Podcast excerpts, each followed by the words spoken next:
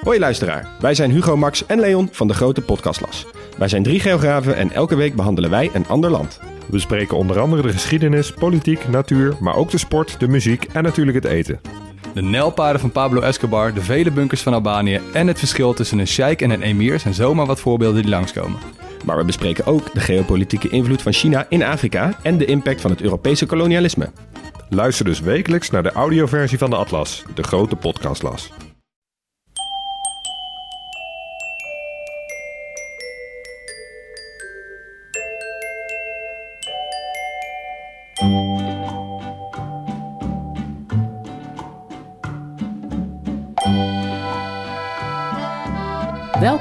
Aflevering 190 van de Echt Gebeurd podcast, waarin waargebeurde verhalen worden verteld door de mensen die ze zelf hebben meegemaakt.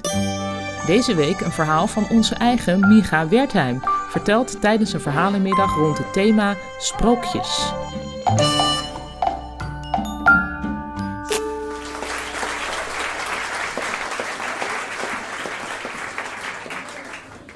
Ik leerde Wilbert kennen hier in Toemler, waar we nu zijn, uh, op een avond. Ik trad op als comedian. Ik zat net bij de comedy train. En uh, nou ben ik niet een hele stoere jonge comedy train. Het heeft, zijn allemaal stand-up comedians met heel veel adrenaline. En ik was altijd degene die thee dronk en na de voorstelling meteen naar huis ging. Maar zo nu en dan, dan was er nog een late voorstelling en dan bleef ik ook. En op een dag kwam Hans Steeuwen binnen met een heel gevolg van stoere mannen. En daaronder zat Wilbert, die was daar ook bij. En een hele ja, stoere gast met een lemmy aan en helemaal onder de tattoos. En als ik tattoos zie, dan schrik ik al een beetje. En dan denk ik, oh, wordt dat een kopstoot of niet? Ik ben daar niet heel stoer in, moet ik gewoon eerlijk toegeven. Um, maar die Wilbert, die, uh, die kwam naar mij toe, die gaf mij een hand. En ik dacht, nou, kalm blijven, beleefd blijven. En bleek een hele aardige man te zijn. Hij bleek de technicus te zijn van Hans Steeuwen. Vertelde in één keer zijn hele levensverhaal aan mij. Zoals ik later begreep dat hij dat aan heel veel mensen deed. Uh, misschien ook omdat hij wel zich realiseerde, zoals hij zelf altijd zei, dat hij er nogal heavy uitziet. Hij had zo'n soort zilveren tand. En ik vond het een hele aardige man. En kort daarna had ik een technicus nodig om mee op tournee te gaan. Ik ging zelf een cabaretvoorstelling maken, had een technicus nodig. En er zijn twee soorten technici. Je hebt de autist en de kunstenaar de autistische technicus, dat is een theatertechnicus die nooit een fout maakt. Waarvan je helemaal op aan kan, maar waarmee als je aan tafel zit de avond voordat je gaat optreden, het gesprek helemaal doodvalt omdat het enige wat de autistische technicus kan zeggen is: Ik heb de Sennheiser op die en die frequentie gezet. Die werkt hier supergoed. Dan heb je de andere. Dit is natuurlijk een spectrum, hè? het zit op twee kanten op. Dan heb je de andere kant heb je de technicus die, die zelf een soort vrijbuiter is en een kunstenaar. En uh, die oprecht uh, heel erg ook, de, die alleen niet op het podium staat, maar ook bij, eigenlijk in het theater thuis hoort. Uh, en die wil je eigenlijk mee hebben als je op tournee gaat. Want ja, je zit met zo iemand in een jaar makkelijk zo 80 keer in een restaurant samen. En op een gegeven moment ken je alle frequenties van de Sennheiser wel uit je hoofd. Dus dus ik, ik, ik, vroeg aan Hans, die op dat moment gestopt was, van... Goh, uh, denk je dat dat wat is? Die Wilbert, ondanks die tattoos, leek hij me wel aardig. En hij zei, ja, moet je doen, want Wilbert die maakt overal waar je komt, maakt die sfeer. En dat, dat scheelt ongelooflijk veel energie. En dat klopte. Ik, ik ging met hem toeren en, uh, en hij, hij was overal waar ik aankwam in het theater, was hij dan al bezig de lampen in te hangen. En hij was met iedereen, had hij vrienden gemaakt en gesprekken gevoerd. Heel erg sociaal, wat ik helemaal niet ben. Dus, maar omdat ik bij hem hoorde, voelde het dan net ook alsof ik ook heel leuk was. En... Um, en hij was ook, hij, was, hij, ik bedoel, hij deed de techniek ook. Hij was natuurlijk wel echt theatertechnicus. Maar het was ook iemand die bijvoorbeeld avond aan avond de voorstelling echt weer helemaal keek. Ik weet niet of eens bij een voorstelling ben geweest, maar soms zie je zo'n theatertechnicus zo echt op de automatische piloot. Wat ik ook snap. Als je voor de tachtigste keer iemand hetzelfde verhaal hoort vertellen, dat je denkt, ja, dan zijn we daar, dan komen we daar. Maar Wilbert die zat er altijd helemaal in. Als ik iets nieuws bedacht, dan hoorde ik hem lachen. En ik had zeker in het begin heel vaak hele kleine, lege zalen. En, uh, als, en, uh, en als ik dan iets grappigs zei en niemand lachte, dan hoorde ik achter de geluidstafel iemand heel hard lachen. En dat was Wilbert. En die hield mij echt, die hield mij op de been. En hij was ook, hij, hij was precies de rock'n'roll. Hij had dus ook altijd verhalen bij dat eten. Had hij altijd verhalen. Soms vertelde hij over films die hij gezien had, alsof hij er zelf in meespeelde. Hij kon kan. Hij bestaat nog gewoon hoor. Maar hij kon heel erg goed vertellen. En hij vertelde natuurlijk over Hans Steeuwen. En hoe hij Hans, hij kende Hans al van de toneelschool. En hij, in zijn verhaal had hij Hans ook best wel, best wel gebracht waar Hans Steeuwen gekomen was. Hij zei ook tegen mij ook Micha, ik ga jou naar Carré brengen. En uh, dat... Uh, nou, dus, maar goed, dus, en, en, nou, jaar in, jaar uit. Op een gegeven moment een nieuwe voorstelling. En langzaam werd ik wat beter en zo. En op een gegeven moment krijg je ook aanbiedingen om naar het buitenland te gaan. Dat is een van de leuke dingen uh, van cabaretiers. En dan krijg je nu een uitkering om, naar de Nederlandse club in Bahrein te gaan. En dat is dan uitje, eigenlijk personeelsuitje. Met z'n tweeën, technicus en jij in het vliegtuig. Anders zou ik nooit naar Bahrein zijn geweest. Nou, toen was ik in Bahrein en werden we door de Nederlandse club in een hotel neergezet. Met acht verschillende uh, bordelen in dat hotel. Hadden we niet door. Eerst was het een disco. Toen dachten we, god, zijn wel heel veel kleine Afrikaanse meisjes. Bleken allemaal prostituees.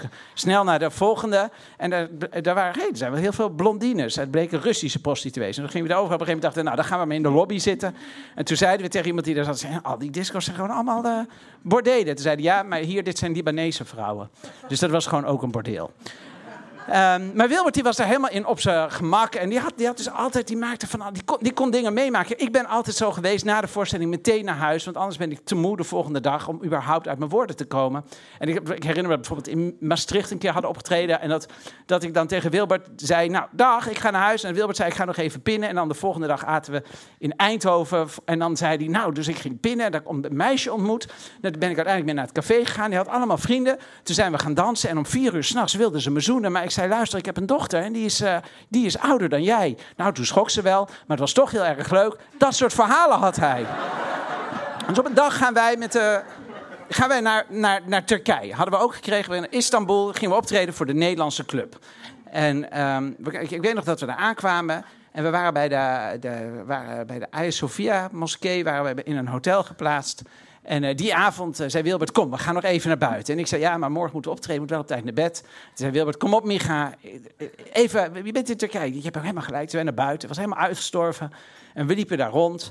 En die denk, nou, het is wel weer goed geweest. En toen kwam er een man aan en die zei, heb je sigaretten? En Wilbert zei, oh ja, en die raakt helemaal aan, aan, de praat met die man. En ik denk, nou, zo doet hij dat dus. Die man bleek een vluchteling uit Georgië, heel interessant verhaal. En die vertelde dat helemaal. En Wilbert vertelde zijn levensverhaal aan die man. En ik stond erbij en ik denk, ah, zo doet hij. En toen zei die man op een gegeven moment, toen zei Wilbert, ken je niet een leuk café? En toen zei ik, nou, dat moeten we misschien niet doen, want ik wil naar huis. En zei Wilbert, kom op, Micha, je bent Ik dacht, ja, ben ik ook een ongelofelijke burgertrut. En, uh, en, die man die zei, ik ken wel een leuke tent, kom maar met me mee. En die nam ons mee naar een taxi en die zei, we gaan erheen. Ik zei, Wilbert, moeten we dit wel doen? En uh, dus wij begin, die taxi begint te rijden. En um, ja, die rijdt gewoon maar door Istanbul. Die blijft maar rijden, die blijft maar rijden. Op na twintig minuten zei ik, Wilbert, ik weet niet of ik dit een goed idee vind. Ik moet morgen optreden, ik ben heel erg mooi. En Wilbert zei, ontspan nou. Wat kan er gebeuren? We zijn met z'n tweeën, dit is het avontuur. En die man die zat voorin en die rookte een sigaretje. Wat hij dus van Wilbert steeds nieuwe kreeg. En, uh, en ik denk, nou ja, goed, dit is het avontuur. En uiteindelijk waren we daar. En uh, we komen daar aan en we lopen een, een trappetje af naar een soort kelder. En een heel klein, ja, soort ja, disco zou het, zou het kunnen noemen, maar dit was een soort van dat blacklight. En techno uit hele slechte speakers. En er stond één, ik vermoed, Russisch meisje in der bikini een beetje te dansen bij een paal. Niet echt te strippen, maar uh, meer zo van, dat, dat, dat, dit is, dit is zo'n soort club. En ik zei, oh, we alsjeblieft weggaan, Wilbert. Dit lijkt me een heel slecht idee. En Wilbert zei, kom op, we doen één drankje. Je bent hier nu. Dus we gaan er zitten en we zitten daar aan tafel. Er worden meteen allemaal hapjes neergezet. En uh, van die, van die uh, zo raki wil ik zeggen, maar dat, dat is geloof ik de Griekse naam. Dus, oh god. Uh, maar in ieder geval, hè, en, en, en ik thee. Ik zei, heb je ook thee? Ja, appelthee, dat hadden ze dan ook. En er komen meteen twee meisjes bij ons zitten. Ik zei, nee, ik hoef geen meisje. Ik wil, ik wil hier eigenlijk alleen thee op drinken en weg. En Wilbert begint te vertellen aan dat meisje. Ik heb ook in een nachtclub gewerkt vroeger. En uh, in Eindhoven. Dus ik, die was helemaal, hoe, hoe is dat dan hier en hoe is dat daar? En ik dacht, ik moet die weg. Dit is niet goed, dit is niet goed. En, en, en uh, nou ja, goed. Uiteindelijk uh, zei oké, Wilbert zei, Micha, rustig. We gaan hier weg. Maak je geen zorgen. Zie je, er is niks gebeurd. Toen kwam de man met de rekening. En daar stond op Talk to Girl 70 euro. Dat het gewoon ook in euro stond drankje 40 euro. Die thee van mij was dan, hadden ze dan toch gedacht, nou, dat moet dan maar iets goedkoper zijn dan dat drankje. Er lagen een paar komkommers op tafel, die moest kosten geloof ik ook 50. En het was wel duidelijk dat we dat maar beter konden betalen. Die man die met ons mee was gekomen, die was ook al heel lang nergens meer te bekennen. En uh, nou, gelukkig hadden we wat geld gekregen van de Nederlandse club om wat leuks te doen in Turkije. Dat was net genoeg. En uh, nou, wij naar huis met de taxi. En ik, en ik echt helemaal boos. En zeg: nou, verdorie, wat doe je nou? En uh, dit, is nou precies waar ik geen zin in had. En, en, uh, ja, en, en, en, Wilbert die zei: van, Ja, nee, is mijn fout. Want jij zei inderdaad, we moeten dit niet doen. Dus ik, ik zal van mijn geld betalen. En dat vond ik toen heel redelijk. Ik denk: Ja, sorry. Maar ik heb echt de hele tijd geroepen: We moeten dit niet doen. En er is gewoon een grens. En anders dan zit ik de rest van het jaar tegenover jou te denken: Van ja, ik heb jou geld gegeven voor iets waarvan ik helemaal niet nou goed, we hebben dat uiteindelijk overleefd, opgetreden. Een paar jaar later werd ik gevraagd om op te treden voor een uh, Turks poëziefestival. Zou je zeggen, moet je niet doen, maar er is een soort verongelijkte snop in mij die altijd denkt van waarom worden cabaretiers nooit serieus genomen? Dus ik zei, ja, natuurlijk, poëzie, dat, dat, dat, dat, daar wil ik ook wel eens een keertje bij zijn. Dat is dan echte kunst. Kismet heette die Turkse dichter.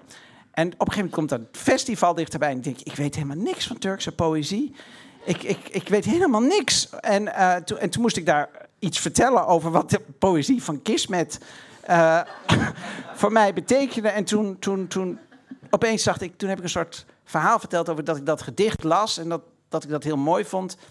Maar dat het eigenlijk hetzelfde was als die taxirit met die, met die taxichauffeur door Istanbul dat, dat, dat ik heel veel dingen wel herkende, maar ook heel veel dingen niet herkende. Ik had er een heel mooi verhaal over gemaakt, over, over hoe je eigenlijk omgaat met een tekst die je niet kent, zoals je omgaat met een stad waarin je niet bekend bent, waarin alles mogelijk is. En opeens realiseerde ik me dat ik dat hele verhaal te danken had aan Wilbert. En toen heb ik uh, na afloop het geld dat ik verdiend heb aan Wilbert gegeven om het goed te maken. En uh, Wilbert is mijn technicus niet meer. De laatste keer dat hij mijn techniek deed, was in Carré.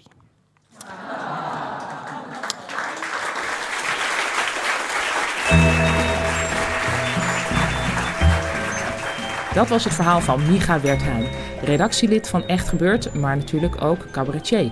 Zijn nieuwe theatervoorstelling Micha Wertheim voor alle duidelijkheid gaat deze week in première in de Kleine Comedie in Amsterdam en is daarna nog ruim een jaar te zien in theaters in heel Nederland. Er zijn weinig voorstellingen waar ik me persoonlijk zo op verheug. Dus ik zou zeggen, kom allemaal kijken. De speeldata staan op migawertheim.nl.